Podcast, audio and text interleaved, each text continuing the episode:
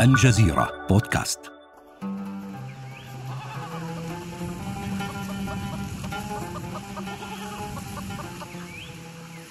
الزمان عام 1500 قبل الميلاد. المكان أرض مصر الفرعونية. لنتخيل أن مجموعة أصدقاء من المصريين القدماء أرادوا الجلوس خارجا في النهار. واحتموا من حر الشمس بظل نخلة. أخذهم الكلام لساعتين فتحرك ظل النخلة وصار أقرب للنيل. نقل الأصدقاء مجلسهم نحو الظل الجديد. وفي العصر تغير مكان الظل مرة ثانية وأصبح أقرب للمزرعة. فحملوا مجلسهم مرة ثانية إلى حيث انتقل الظل. ثم استمروا على هذا المنوال وحفظوا مسار ظل النخلة حتى أنهم استدلوا بموقع الظل للاتفاق على موعد اجتماعهم. هذا سيناريو متخيل للطريقة التي أوصلت المصريين القدماء لفكرة المزولة إحدى أولى أدوات قياس الوقت.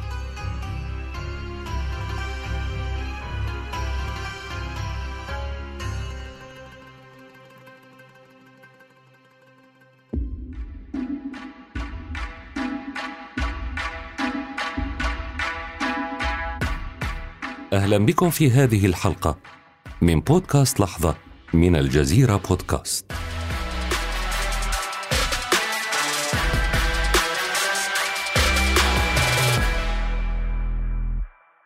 قد تبدو لكم فكرة المزولة غير عبقرية خاصة وأن هناك ساعة في جيبك وساعة على معصمك وربما ساعة على الحائط أمامك.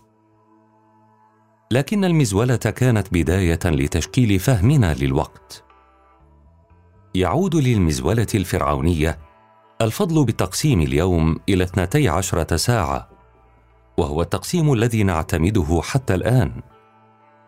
الوقت أو الزمن مصطلح تعرفونه وتستخدمونه في حياتكم اليومية وغالبا لا تفكرون في ماهيته.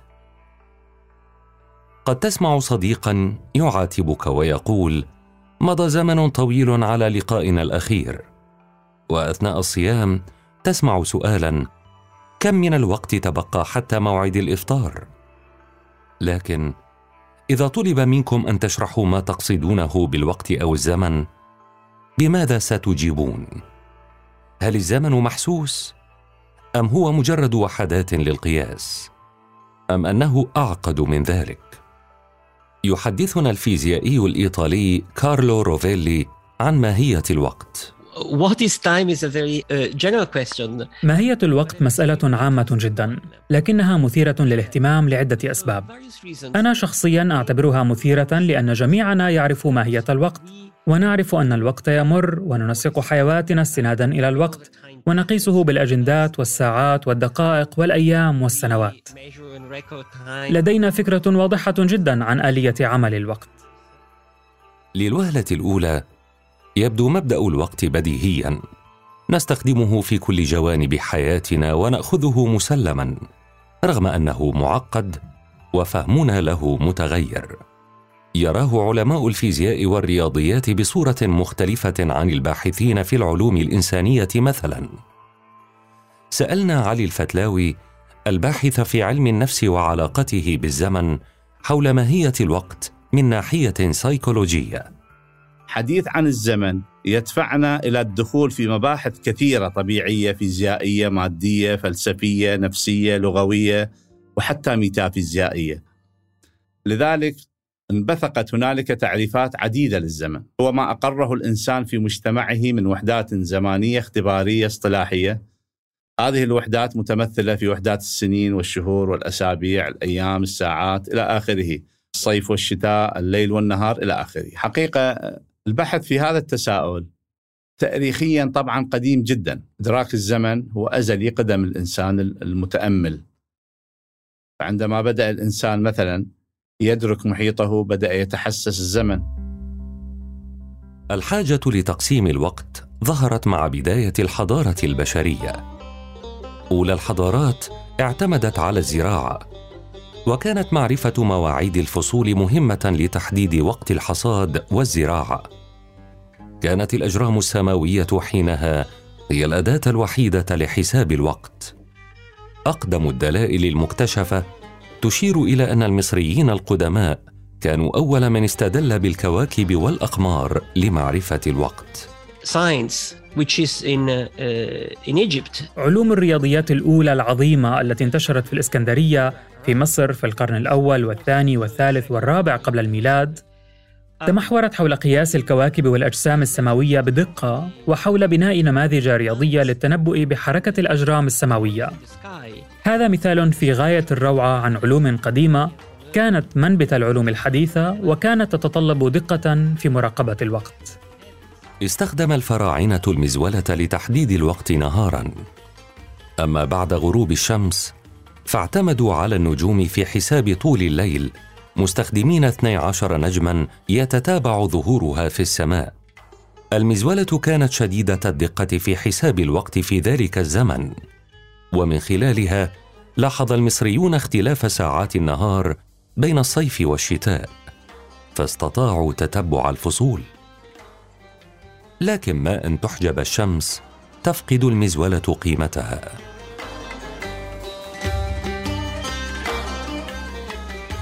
حتى يتغلب المصريون على هذه العقبة طوروا الساعة المائية. تخيلوا خزانا ممتلئا بالمياه في قاعه فتحة صغيرة يتدفق منها الماء. كلما مر الوقت انخفض مستوى السائل. إن رسمتم علامات قياس على جوانب الخزان يمكنكم معرفة كم مر من الوقت اعتمادا على كمية المياه المتبقية. لكن لهذه الساعة عيب أيضا فهي ليست دقيقة. كلما قل مستوى الماء ضعف ضغطه. لذلك تمر الساعة الأولى بسرعة أعلى من الساعة الأخيرة. ظلت الساعة المائية على هذا الحال حتى خطر حل بسيط ببال مخترع من الإسكندرية. اسمه ستيبياس. حل المخترع الإسكندراني كان بسيطا. أن يعكس التصميم القديم. بدل أن يستدل على الوقت من انخفاض مستوى المياه استدل عليه من ارتفاعه. حيث صمم خزانا تتدفق إليه المياه بضغط ثابت ويستدل على الوقت من مستوى ارتفاع المياه. وهكذا لم يكن ستيبياس على علم بأن ساعته المائية هي أول ساعة ميكانيكية دقيقة.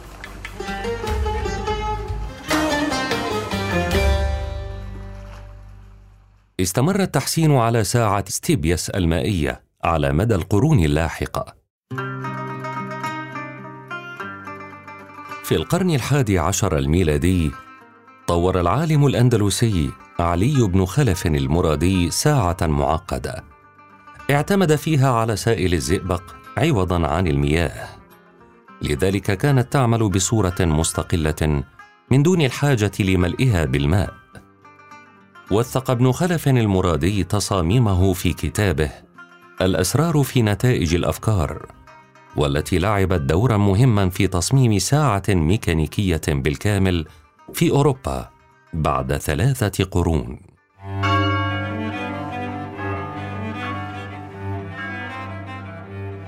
احتاج الرهبان الكاثوليك في أوروبا جدولة مواعيد الصلاة والواجبات داخل الدير. في بلدة ماغديبرغ الألمانية سنة 996 للميلاد كان الراهب جيلبرت يترجم الكتب العربية التي جاءت من الأندلس إلى اللاتينية. أعجب جيلبرت بتصاميم الساعة المائية وأراد بناء ساعة مماثلة لكنها تطلبت برجا مائيا ضخما حتى تعمل. صمم الراهب ساعة ميكانيكية بالكامل لا تحتاج إلى مياه. اعتمد فيها على تأرجح وزن ثقيل بدلا من تدفق المياه. وارتبطت بجرس الكنيسة الذي يدق معلنا أوقات الصلاة. كانت ساعة جيلبرت مدهشة وجديدة ولم يعلم أحد كيفية عملها بالضبط لدرجة أن بعض الكاثوليكيين اتهموه بتعلم السحر من كتب المسلمين.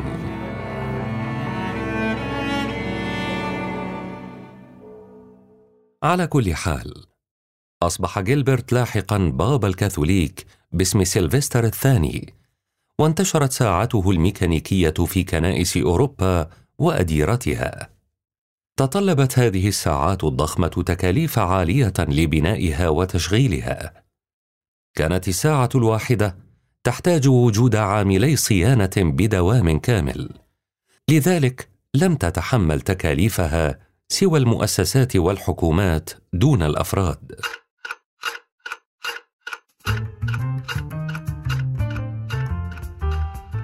في القرن السابع عشر جاء العالم الهولندي كريستيان هويغنز واكتشف مبدأ عمل الثقل في ساعة جلبرت الميكانيكية وسماه راقص الساعة المعروف باسم البندول. اكتشف هويجنز أن البندول يتأرجح بتردد معين اعتمادا على طول الحبل وثقل الوزن وكتب معادلات رياضية لحساب خصائصه. باستخدام هذه المعادلات استطاع هويجنز تصميم بندول يعمل بالنوابض أو الزنبرك في تسمية أخرى. ولاحقا اخترع ساعة تعمل بالنوابض. سمحت النوابض بتصميم ساعات صغيرة يمكن حملها بالجيب. ومع أن ساعات الجيب تلك لم تتطلب ابراجا مائية أو اوزانا ثقيلة احتاجت دقة في العمل اليدوي.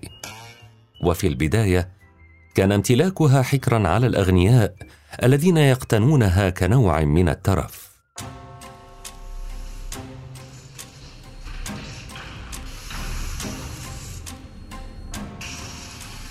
جاءت الثورة الصناعية وجلبت معها احتياجات جديدة للساعة. في القرن الثامن عشر لم تعد معرفة الوقت مقتصرة على مواعيد الحصاد والصلوات.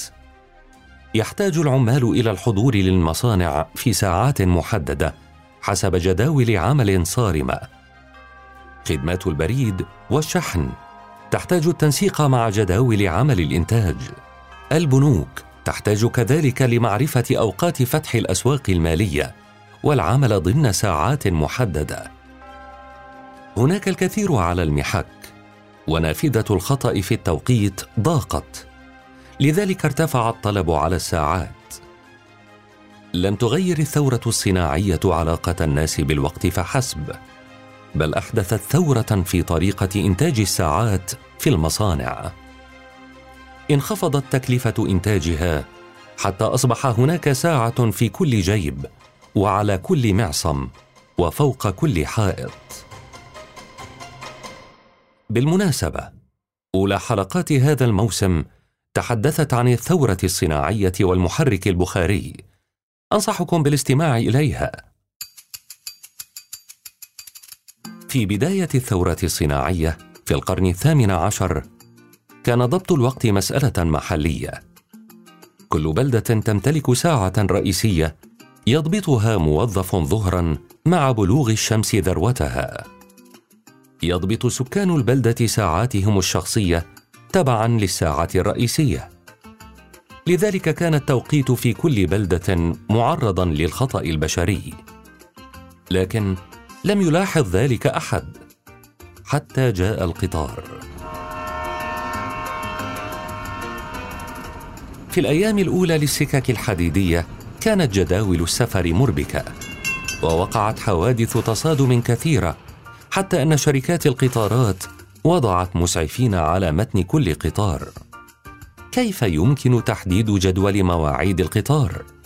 ولكل بلدة توقيت مختلف. كيف يمكن تنسيق القطارات على السكك بينما يستخدم كل قائد قطار ساعة مختلفة؟ عام 1675 أنشئ مرصد غرينتش الملكي في جنوب غرب لندن على تلة في حديقة غرينتش العامة المطلة على نهر التيمز. الهدف من بنائه مراقبة النجوم والأجرام السماوية وتحديد مواقعها بالنسبة للأرض. بعد 200 عام تقريبا كانت السفن في موانئ المملكة المتحدة تعاني من مشاكل التوقيت الموحد لذلك أضيفت مهمة جديدة للمرصد الملكي وهي مراقبة الشمس عند انتصافها في السماء حتى يحدد موعد الظهيرة. وصار إعلان حلول ساعة الظهر في لندن يجري عن طريق رفع كرة حمراء وخفضها أعلى برج المرصد. عندما جاءت القطارات اعتمدت أيضا على مرصد غرينتش لضبط توقيتها. وهكذا حلت مشكلة جدول الرحلات في بريطانيا. لكن على الجانب الآخر من المحيط الأطلسي كانت المشكلة أعقد. الولايات المتحدة وكندا أكبر حجما من بريطانيا والسكك الحديدية تغطي مساحات أوسع يختلف بينها التوقيت.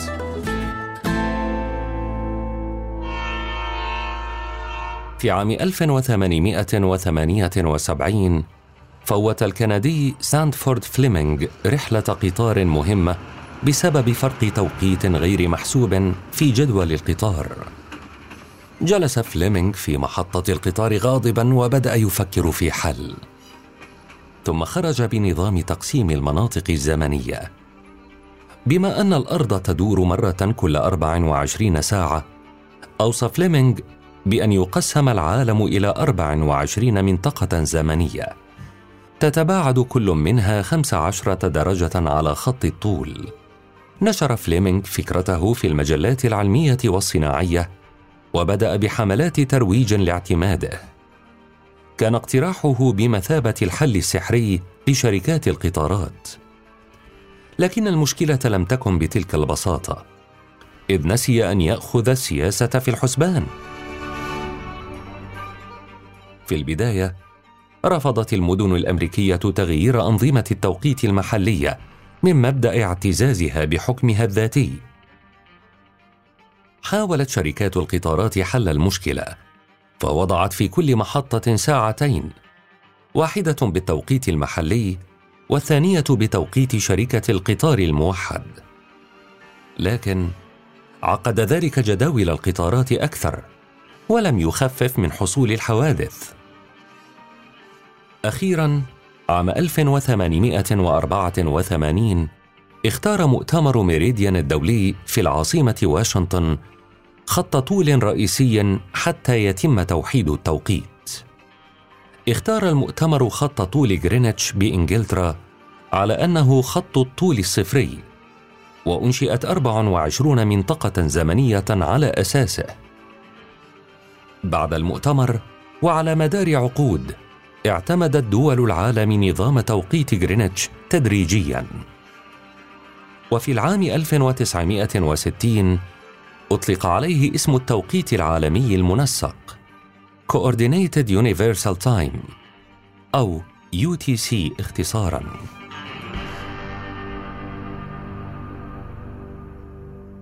لم يكن التوقيت الموحد المعضلة الزمنية الوحيدة بل ربما كان أبسطها.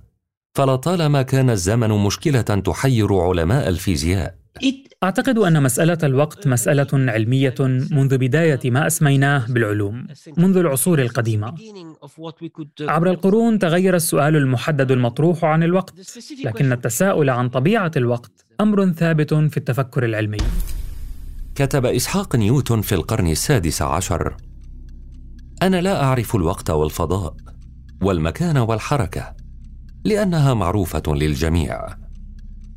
مفهوم العلماء قبله عن الوقت كان منبثقا من الساعة المائية. الزمن يسري مثل سريان المياه. بشكل مستمر ومنتظم لا يتغير مهما تغير المحيط. عرف هذا بمبدأ الزمن الخطي في الفيزياء. آه، نيوتن غير نيوتن منظورنا للوقت كثيرا بعدما أقنع الجميع بأن الوقت يسير بشكل مستقل بمعزل عن أي شيء آخر. الثورة العلمية التي جاءت مع اكتشافات نيوتن ومعادلاته كانت إحدى عوامل بدء الثورة الصناعية. لم يمض على الثورة الصناعية أكثر من قرن حتى بدأت معالم الثورة التكنولوجية بالظهور. البروفيسور كارلو يشرح بداية اكتشاف الكهرباء والأمواج الكهرومغناطيسية. ما حدث هو أن عدة أشخاص اكتشفوا الكهرومغناطيسية وكان هذا الاكتشاف خطوة مهمة في مسيرة العلوم لأن التقنيات الحديثة التي تعمل بالكهرباء الكهربائيات وقدرتنا على التواصل جميعها موجودة بفضل فهمنا للكهرومغناطيسية.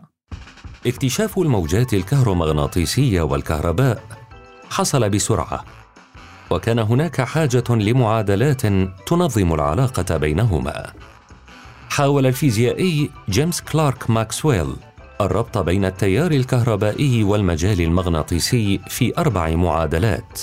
عرفت بمعادلات ماكسويل. الكثير من الاختراعات مثل الراديو والهاتف والإنترنت اعتمدت على هذه المعادلات. دون ماكسويل عدة معادلات شكلت فيما بعد أساس عمل تقنيات الكهرباء والكهرومغناطيسية والأمواج والتلفزيون والراديو. لكن هذه المسائل كانت غريبة لأن مفهومي الزمان والمكان دخلا على المعادلة بطريقة غريبة أربكت الجميع. كانت غرابة الزمان والمكان كجزئين في هذه المعادلة محور جدل ونقاش في نهاية القرن التاسع عشر. كان الناس مرتبكين وليس لديهم أدنى فكرة عن كيفية تناول هذه المسألة. مع ذلك أثارت هذه المعادلات الجدل في الأوساط العلمية. اعتبر ماكسويل أن الأمواج الكهرومغناطيسية تسير بسرعة الضوء وأن سرعة الضوء ثابتة بغض النظر عن الوسط الذي تسير فيه. هذا يناقض قوانين الفيزياء الكلاسيكية التي وضعها نيوتن. وكانت تعتبر حقيقة مطلقة. رفض المجتمع العلمي نظريات ماكسويل لعجزه عن دعمها رياضيا. رغم ذلك ألهم ماكسويل شابا المانيا سيصبح من أشهر الفيزيائيين اسمه ألبرت أينشتاين. ثم أتى هذا الشاب اليافع الذي كان في بداية العشرينيات وكتب بضع صفحات. قال فيها إن هذه المعادلات منطقية إذا غيرنا منظورنا للزمان والمكان وأبهر الجميع بهذه الفكرة. كتب أينشتاين ورقة بحثية تعرض فكرة النسبية الخاصة. قبل أينشتاين كان هناك نموذجان مختلفان لتفسير الظواهر الفيزيائية. نموذج نيوتن الذي يفسر ظواهر حركة الأجسام الكبيرة حولنا. ونموذج ماكسويل الذي يفسر الظواهر المرتبطة بالضوء. كان التفكير السائد أن الضوء يتحرك لحظيا وليس له سرعة وأن قوانين الفيزياء تختلف باختلاف السياق. جاء أينشتاين متحديا لهذا الفهم بفرضيتين أن القوانين الفيزيائية لا تتغير في كل السياقات وأن سرعة الضوء ثابتة دائما.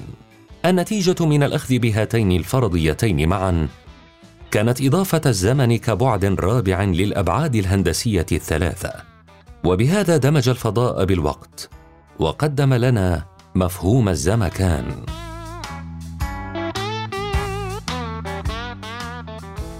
ورقة أينشتاين البحثية ثم كتابه عن النظرية النسبية أصبحا حديث العلماء.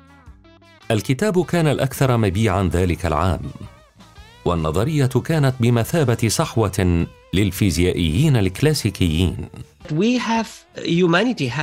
اكتشفت البشرية أن العديد من هذه الأفكار خاطئة أي إنها منطقية على مستوى تجاربنا اليومية لكنها غير منطقية في حالات عامة أو في أوقات أقصر أو أطول. ما حصل كان يشبه اكتشافنا أن الأرض مستديرة. إذ إننا في الحياة اليومية قد نعتقد أننا نعيش على أرض مسطحة ومستقيمة. لكننا اكتشفنا فيما بعد أننا نعيش على صخرة كروية.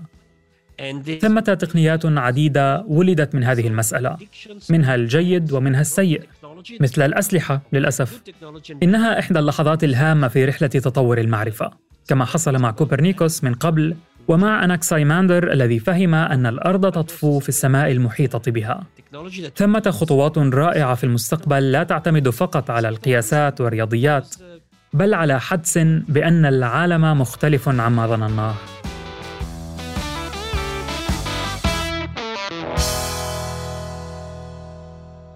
هذه الاكتشافات أخذت التطور البشري بخطوات واسعة للأمام.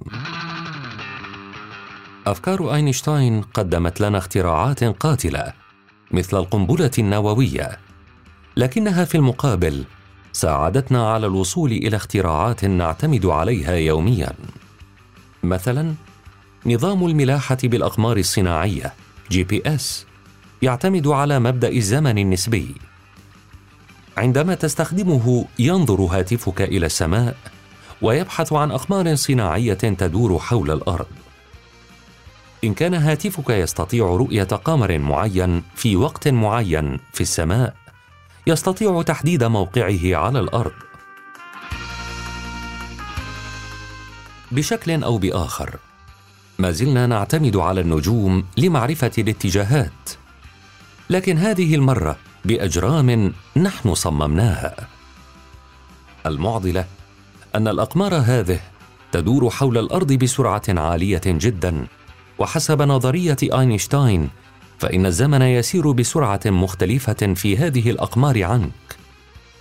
لذلك لا يمكن للوقت في هاتفك أن يتزامن مع الوقت في الأقمار الصناعية دون أخذ النظرية النسبية بعين الاعتبار.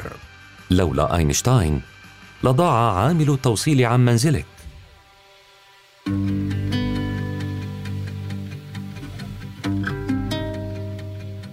كلما تغير فهمنا للوقت بحثنا عن طرق أدق لقياسه.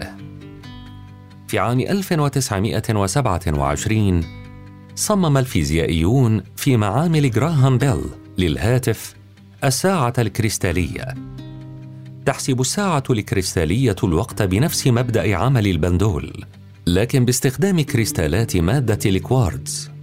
اكتشف الفيزيائيون في المعمل أنه عند تعريض هذه الكريستالات لتيار كهربائي فإنها تتذبذب بشكل منتظم بسرعة خمسين ألف ذبذبة في الثانية الواحدة.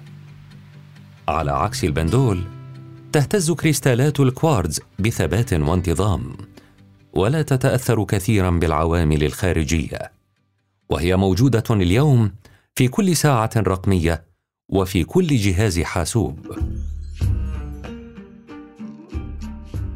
رغم أن دقة كريستالات الكوارتز تصل إلى أجزاء صغيرة من الثانية إلا أنها ما زالت خاضعة للخطأ وقد تتغير سرعة ذبذبات ذراتها مع تغير الحرارة أو الضغط الجوي. لذلك لجأ العلماء إلى المواد المشعة لصنع ساعة ذرية في عام 1955 واستخدموا مادة السيزيوم السيزيوم مادة مشعة ما يعني أنها تضمحل بسرعة ثابتة فتعمل الساعة على حساب الوقت من خلال حساب وزن مادة السيزيوم في داخلها. في منتصف ليلة رأس السنة من عام 1985 اعتمدت دول العالم التوقيت المحسوب من ساعة سيزيوم الذرية كمرجع للتوقيت العالمي المنسق سي. عوضا عن مرصد غرينتش المرجع المعتمد عالميا. أما أثر فهمنا للزمن فيتعدى النظريات والاختراعات الفيزيائية ويمتد ليؤثر على نفسيتنا. في الكثير من الأحيان نخطئ فيما يخص هذا الأمر إذ إننا نخلط بين الوقت الفيزيائي ووقت تجاربنا الشخصية. لا شك أنهما متصلان أي عندما أشعر بمرور الوقت أرى أيضا عقارب الساعة تتحرك. لكن ما نعنيه عندما نتحدث عن الوقت في خبراتنا اليومية؟ من منظور ما نعيشه يوميا لا نتحدث عن عدد الساعات بل عن أمر آخر. إنه مفهوم مختلف كليا ويعتمد على نشاط الدماغ. اذا فإن الوقت الذي نختبره أغنى من وقت الساعة. لماذا؟ بدأ بالظهور مؤخرا علم سيكولوجيا الزمن الذي يدرس الزمن كمتغير نفسي يؤثر على الاستجابات والسلوكيات للأفراد. فإذا كان الوقت في الفيزياء مجرد بعد هندسي رابع مثل ما أسلف أينشتاين كيف يتعامل الدماغ مع مرور الزمن؟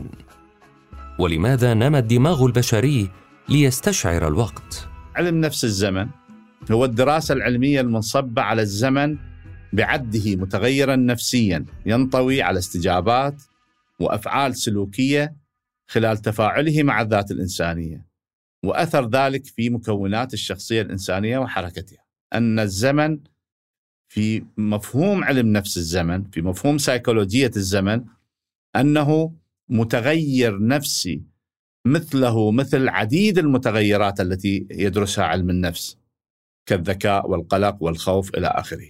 تخضع للقياس والاختبار ضمن منهج البحث في علم النفس أو منهج البحث السيكولوجي. إذا كان العقل البشري مجبولا على الذاكرة فنحن ننظم حياتنا من خلال تجاربنا في الماضي وشعورنا اللحظي في الحاضر وتوقعاتنا للمستقبل. دارسو علم سيكولوجيا الزمن يحاولون دائما فهم كيفية تشكل مفهوم الوقت لدى الإنسان ومتى. هل تتبع الزمن فطرة إنسانية تولد معه أم هي مهارة نتعلمها بعد الاختلاط بالمجتمع؟ يجادل علماء النفس أن مفهومنا للزمن يتشكل بمراحل مختلفة مع نمو الإنسان. المراحل التي يمكن أن ينبثق فيها تشكل الزمن على افق نظرية النمو المعرفي للعالم جانبياديا فمثلا في المرحلة الثالثة وهي من أربعة إلى ثمانية شهور يكون الفرد أو الطفل قادرا على إدراك تتابع الأحداث عندما يكون هو نفسه قد أحدث هذا التتابع أو عندما يكون القبل والبعد مرتبطا بأفعاله الذاتية هو. أما في المرحلة الرابعة وهي من عمر 8 إلى 12 شهر يستطيع الطفل أن يفرق بين الوسائل والغايات ويستطيع التحول من التسلسل الزمني الذاتي السابق إلى الموضوعي أما في المرحلة الخامسة هي اللي هي من 12 إلى 18 شهر يخترع الطفل أنماط جديدة للسلوك ويجرب فيبدأ يتلمس الزمن المادي مع الزمن الاجتماعي أو النفسي. وفي المرحلة السادسة اللي هي من 18 شهر إلى سنتين يصور الأحداث لنفسه ويذهب إلى ما إلى ما وراء الحاضر إلى الماضي والمستقبل القريبين طبعا. الزمن اذا يتغير حسب المرحلة العمرية وحسب تطور الدماغ. لكن حتى بعد اكتمال نمو أدمغتنا نستشعر الزمن بطرق مختلفة حيث أن الزمن يتغير حسب تغير نفسيتنا ويمكننا ملاحظة ذلك في حياتنا اليومية زمن في كثير من المواقف يدخل بوصفه مؤثرا على سلوك الفرد.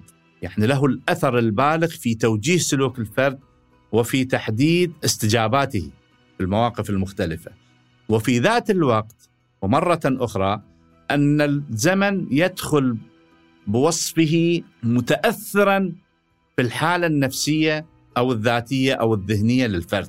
كلما كانت ميادين الحياة التي يخطو فيها الفرد ويتحرك تشير إلى رضا حقيقي للفرد عن زمنه المعيش وعن ما ينجز في هذا الزمن كلما كانت علاقته بالزمن آه، سليمة صحية. وهذا يشير إلى أن صحته النفسية في ذات الوقت آه، سليمة وطبيعية. الزمن ليس نسبيا في الفيزياء فقط. فنحن نشعر بنسبية الوقت دائما. لذلك يركز دارسو علم النفس المرتبط بالزمن على جزئية الإحساس بالزمن وقدرة الفرد على تقدير طول مدة معينة.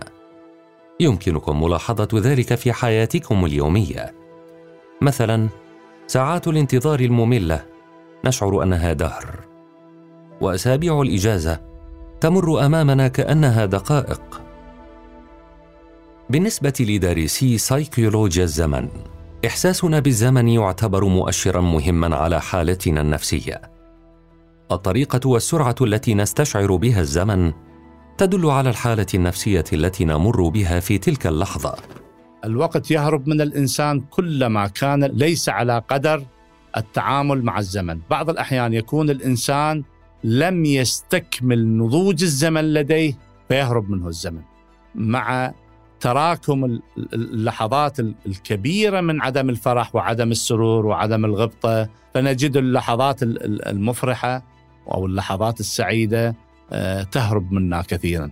نقطة مهمة أيضا كلما كان الفرد متوازنا في رؤيته للعالم المحيط به كلما كانت العلاقة مع الزمن علاقة طبيعية ابدا لا يهرب الزمن يستطيع الفرد أن يشعر انه امتلك الزمن وهو الذي يقوم الزمن كذلك فإن حتى الأمراض حقيقة حتى أثبتت الدراسات أن الأمراض المادية في جسم الإنسان والأمراض السايكوسوماتية تترك أثرها في تقليص إيقاعات الزمن أو تكرارها ورتابتها في ذات الفرد.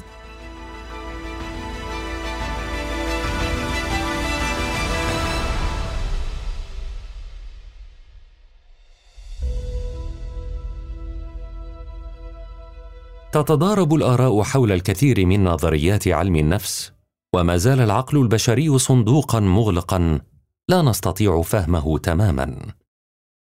الكثير من المشاكل النفسية المتعلقة بالزمن تحوم حولها علامات استفهام كبيرة حتى بالنسبة للمتخصصين. ومما يزيد الأمور تعقيدا أن مفهوم الزمن يختلف بين الثقافات.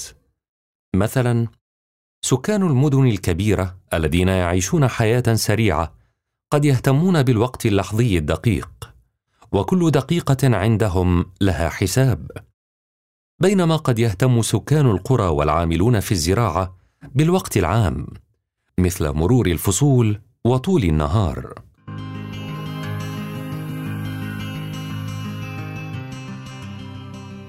تشير بعض الدراسات إلى أن إحساسنا بالوقت قد يكون اختلف للأجيال الجديدة بسبب سرعة التواصل ونقل المعلومات. أجريت دراسة عام 2017 على 300 طالب جامعي لقياس إحساسهم بالوقت مع استخدامهم لمواقع التواصل الاجتماعي مقابل عدمها.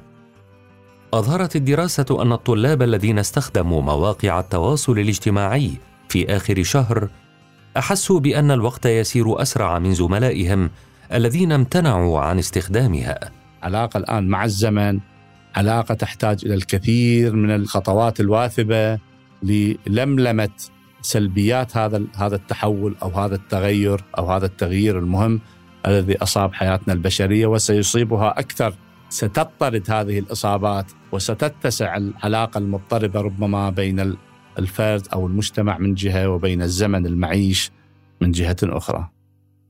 قطعت البشرية شوطا طويلا منذ أيام المزولة الفرعونية.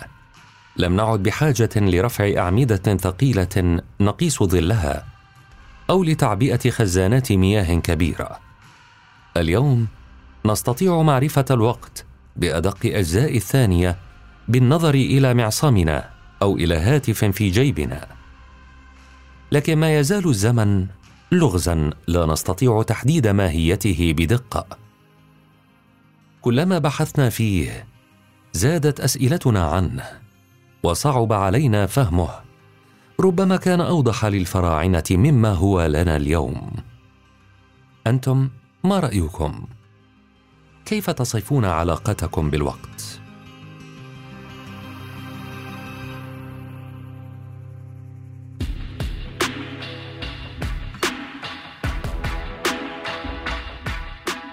شاركونا آراءكم وتعليقاتكم.